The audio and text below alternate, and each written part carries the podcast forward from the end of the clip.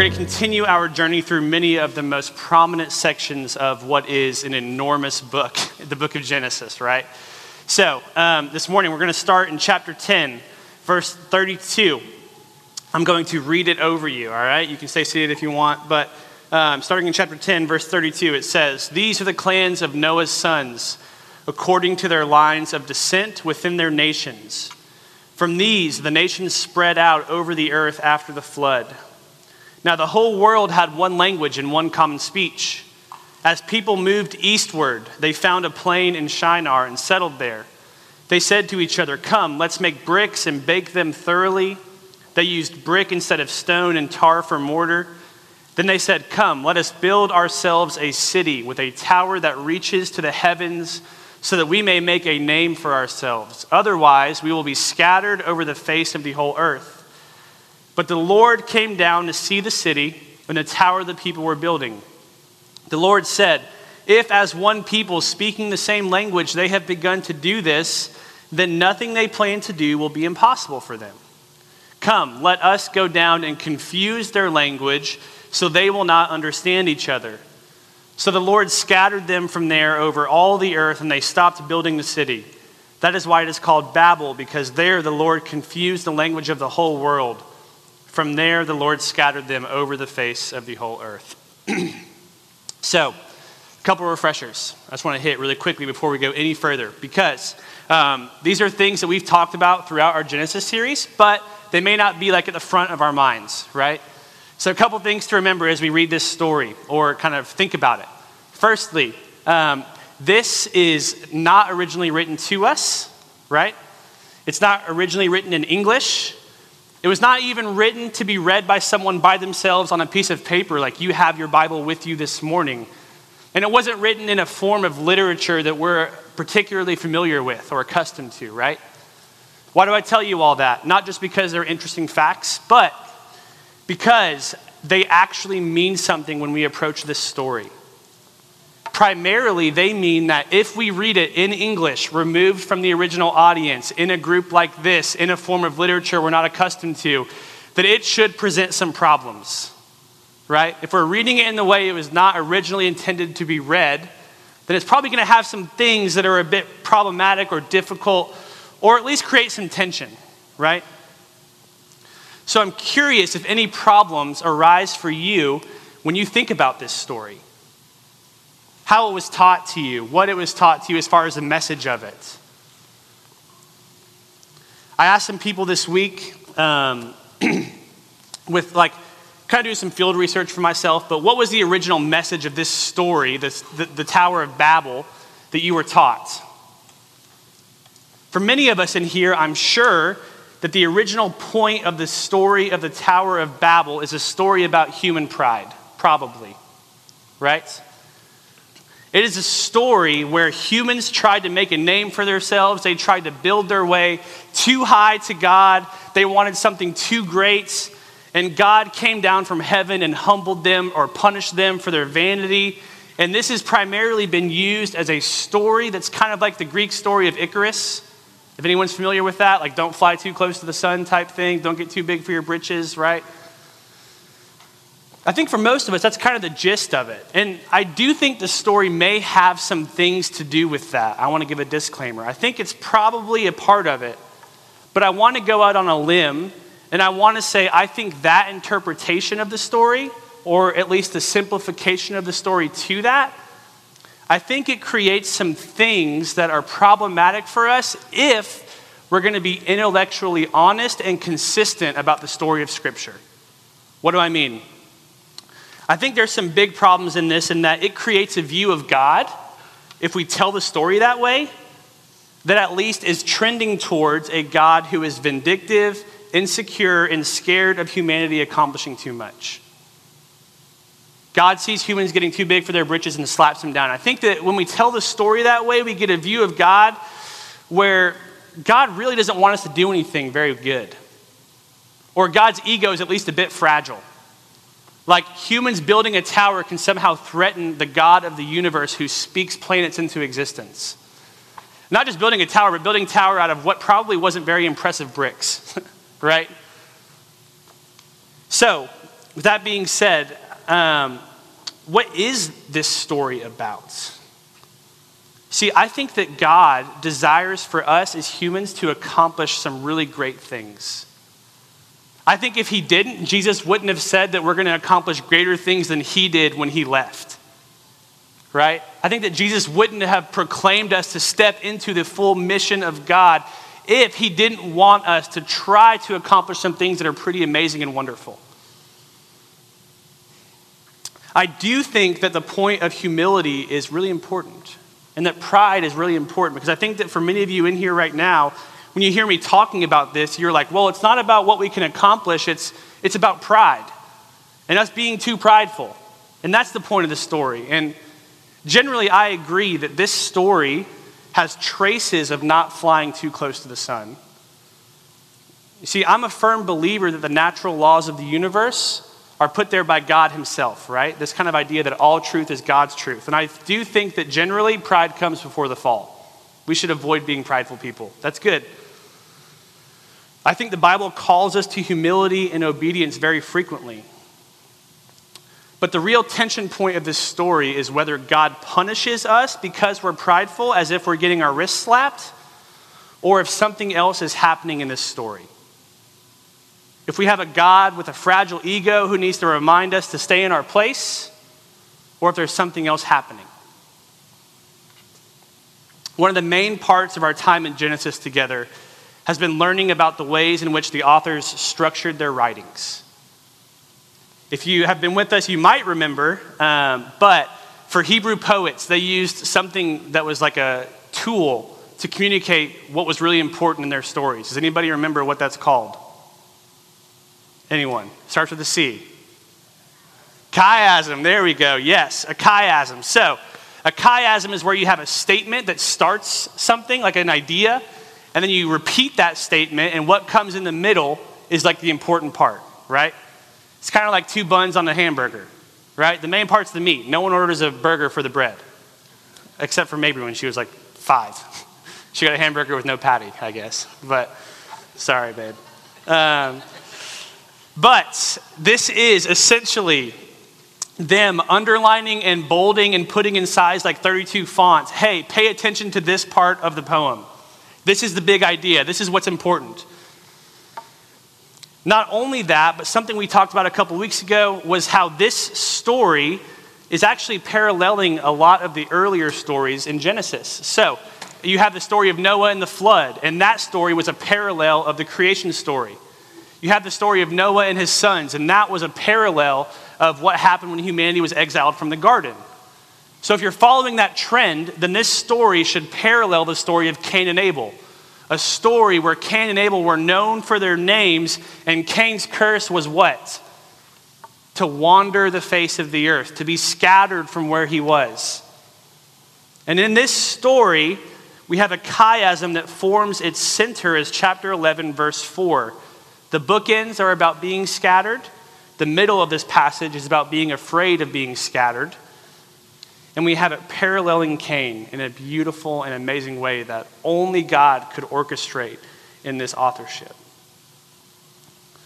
So, as with all great theological questions and debates and conversations, we should ask the question that is the best question for aspiring theologians and Christians to ask, I think the simple question of, what's up with that? right?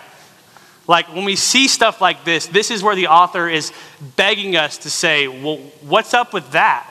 Like something is off here, something is deeper than the surface. Like um, I was young when I watched Jurassic Park for the first time. I don't know if any of y'all watched that, but like I thought it was so cool that like you could dig under the earth and find stuff right? I was like, holy cow, there are dinosaurs under the earth. This is amazing. if you just walk on the ground, you'd never know, right?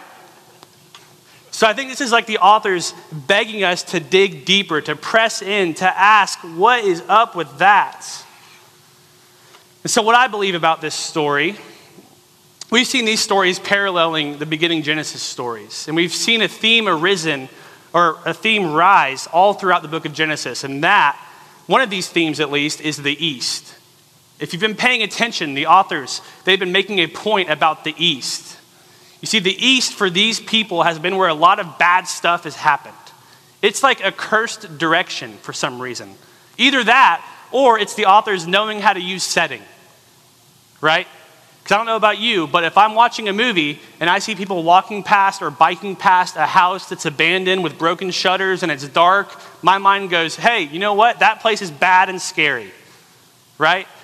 Setting can communicate a lot. And so the authors of Genesis have been using the East to like create these things in our brain that it's like when we hear the East as listeners, we're like, hey, bad stuff's about to happen, right? So, um, we have these people in Genesis, humanity is banished from the garden. We're banished to the east, right? We have Cain banished to the east. So we have here the people in this story in Genesis with the Tower of Babel. Where are they going? Anyone?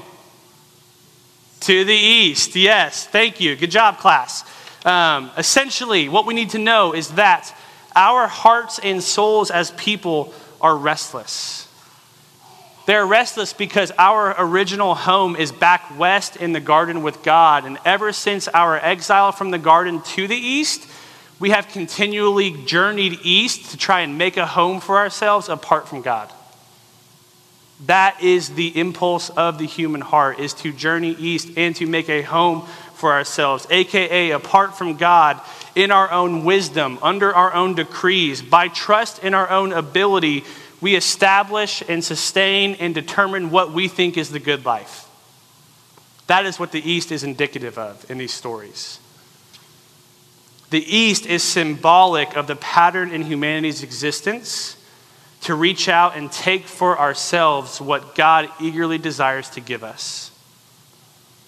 And God eagerly desires to help us learn to steward and handle power so that we are not overcome or ruled by powers whose potential for creation and destruction are far greater than we are capable of wielding.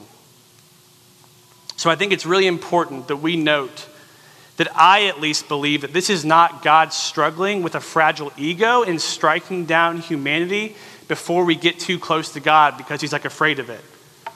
I think this is God seeing humanity obsessed with power and what power brings, and intervening to create and enact a world where we must submit ourselves to the processes and the long, humbling journey that will form in us the necessary prerequisites to exist in the same world as great power and to not be seduced by its lies.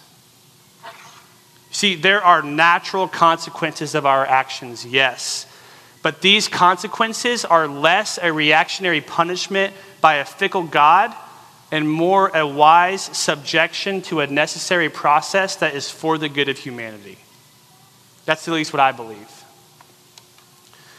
Rabbi David Fohrman, who he um, wrote a book called, what is it, Mastering the Beast, Taming the Beast, something like that, that um, Marty Solomon in the Bema podcast uses a lot for their stories and their study of this. And he says it this way He says, learning the diversity of perspectives always requires pause and consideration. It requires learning how to control one's desires in order to reach a common goal together. In the confusion of Babel, God has, no much, has not so much slapped our hands as much as He has given us a new redemptive project that will cause us to be the people who grow into the humanity that God intends. See, I know some people who say, or were taught at least growing up, that the diversity of Babel is a punishment. When in reality, I think the diversity of Babel is God saying, This is what it takes to be the humanity that I have called you to be. You see, God has an idea of what your life should look like or could look like for God's own glory.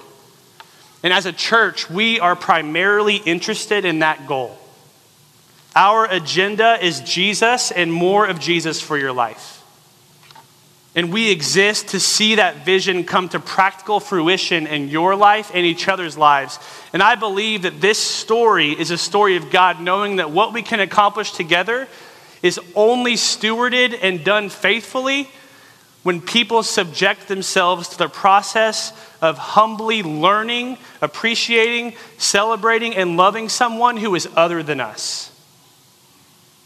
We cannot handle the power without it. I do not believe we are capable of stewarding the power that comes with what we can accomplish on our own well for the sake of our neighbor without first learning to understand and humble ourselves for the sake of our neighbor. See, there are countless examples throughout human history where technological innovation, ideological progress or innovation, the ability to do more, has led to countless cultures and people groups falling victim to possessing more power than their character was capable of handling and the result was the marginalization, the subjugation, and the oppression of other people who God's people were called to love as their neighbor. This is not the way for the people of God. And it's large scale in history, sure, and it's maybe easy to talk about it because it's way back then and we're kind of removed from the responsibility of, the, of those actions, but it happens today too.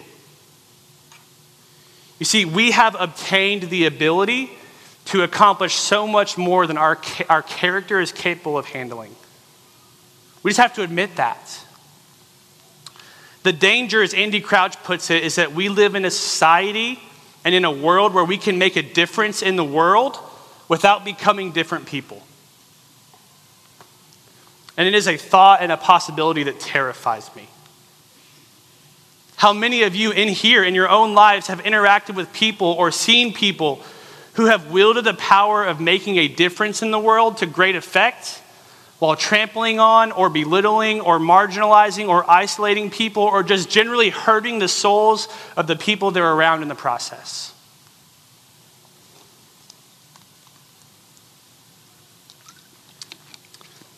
We can make millions in one click without ever learning how to be generous people for the sake of the betterment of a community. We can le- learn or at least know how to feel entertained for hours on end on a streaming service without ever grasping what it means to be a people of deep joy. We can make scientific advances that raise the potential for human progress medically and scientifically, all while unintentionally contributing to the advancement that makes so much of our warfare possible. The people of God, we are called to make a difference in the world, yes, but we are also called to be different in the world. To become different people that do not settle for being mean spirited, angry, bitter, hurtful, shame inducing, and community disrupting people who accomplish a lot because we know how to work Instagram's algorithm to get our post out to a lot of people. And I say that as someone who started a pickleball Instagram. I want to make money off of pickleball Instagram. I'll admit it. I want to get sponsored. But the people who follow that may like that, they don't know me. They have no idea about me. The more our connectivity increases at the expense of our actual relational proximity, so said in another way, the more people we can reach without having to actually know anyone, right? I think the more we fall in danger of living as a people capable of building something we're not allowed or able to steward well for the glory of God and the sake of our neighbor. In that same segment, Andy Crouch goes on to talk about what I think is probably GarageBand or something like that, like a music making software. And he talks about how if you learn GarageBand, you can learn how to manufacture and produce fantastic and magical sound and music. And in the hands of a musician, that's a beautiful and powerful force. but where GarageBand becomes a substitute for the discipline and the rigorous work of actually learning an instrument, right? It can be a thing where we settle for the magical and the enchanting over the good and the beautiful. You give me GarageBand, I, I could be like Skrillex or something, I guess. I don't know. But give it to Alan or Sam, someone who knows music, who appreciates the subtleties of it that I have no idea about. See, that is what we're after. We live in a world where what we can do has taken precedence over who we're becoming. And the kind of people that are necessary in the world to steward the power that comes with being able to accomplish all that we can with one click or download, the people of God are necessary for that. People who are interested in who we're becoming. See, I believe that if we're formed through the process that is put on display in the Tower of Babel, the process of learning to love another person, we can become the people who God intends us to be, like Rabbi David Fohrman said. We can know when to say enough despite limitless potential and power at our hands, just like God demonstrated in the creation story.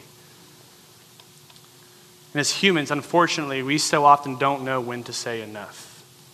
We don't know when to stop trying to take that which God has ordained in our own hands. See, we must learn that just because we can, it does not mean we should.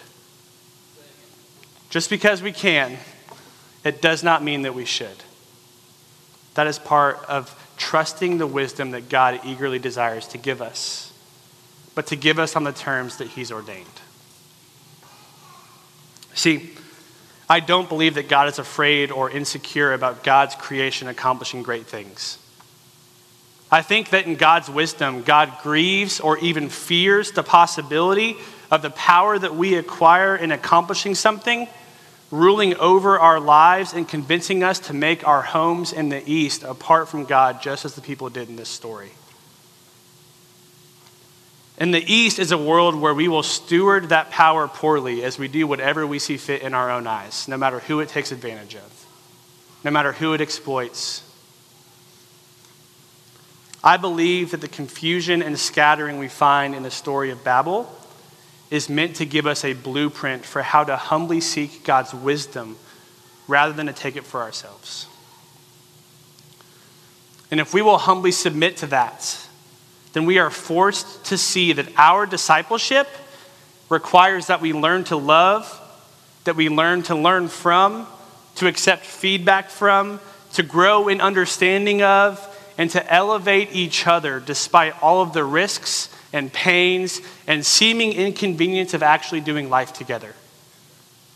I'm sure life was a lot less convenient after the Tower of Babel.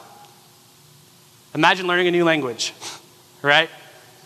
Imagine what you could have accomplished if God wouldn't have confused everything. But I think we need to learn that process.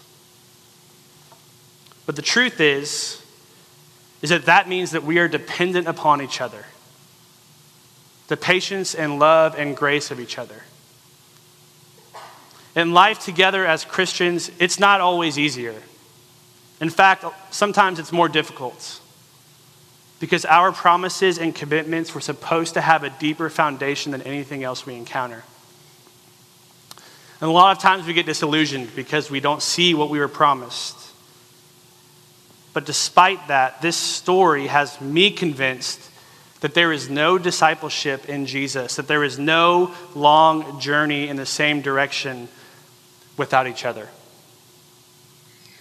I need you just as much as you need me.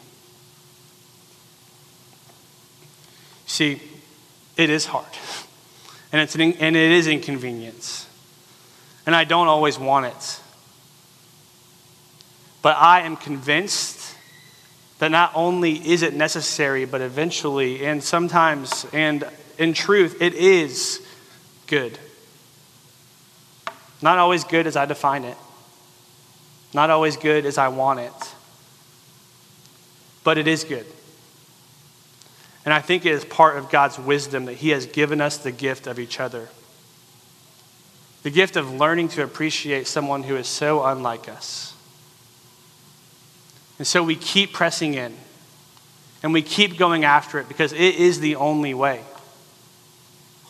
No matter how many times we were told that it was going to be different this time and it wasn't, no matter how many times a promise was broken, no matter how many times it seems pointless or hopeless, God has ordained it to be this way. And because we trust that God is good, we keep pressing in.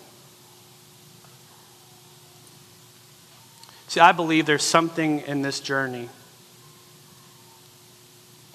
that is truly going to shape us into a people that is worthy of actually claiming the title that God has given his church, and that is a holy temple unto the Lord. But a temple is not just one thing, it's built piece by piece, and that is us together.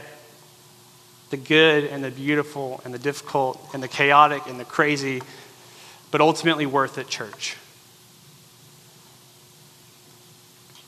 So this morning, we're going to head to communion. Um, and we're going to take the bread and the juice. And um, if you haven't taken communion with us before, then on the night of his betrayal, Jesus instituted this meal. He said, Do this in remembrance of me.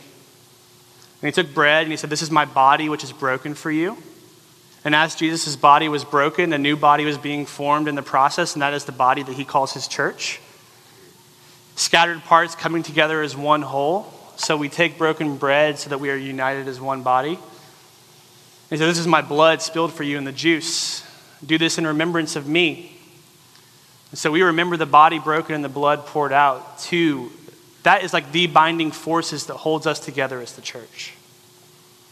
It holds our relationship with God firm, but yet it also holds us together because we need each other. Because without it, I don't want to risk being someone who stewards power poorly just because I can. So, with that being said, let's pray. Um, Heavenly Father, thank you for this morning. Thank you that you are good and kind, and that in your wisdom, you did not slap us on the wrist, but you enacted a world in which the process of just doing life together would form us into being the people that are required to navigate the difficulties and trials of this world. God, you are infinitely more wise than we could ever like begin to hope for, and so help us to trust you. When your wisdom makes no sense, because it does a lot, honestly. When um, when we're singing about the goodness of God and it's like, it's, it's just hard for us to grasp. Convince us that it's true. Give us like the courage to sing it. Give us faith in you, Jesus. Because ultimately, like your promises are true and faithful. So as we head to communion, um, we just pray you would bless this time. Like if there's someone in here that we need to pray for or pray with, like Put them on our heart and speak to us, and then let your Holy Spirit give us courage. Help us to take a step forward into being the church that you have in mind for this world. Thank you for your body broken, your blood poured out, Jesus. We pray this in your name. Amen.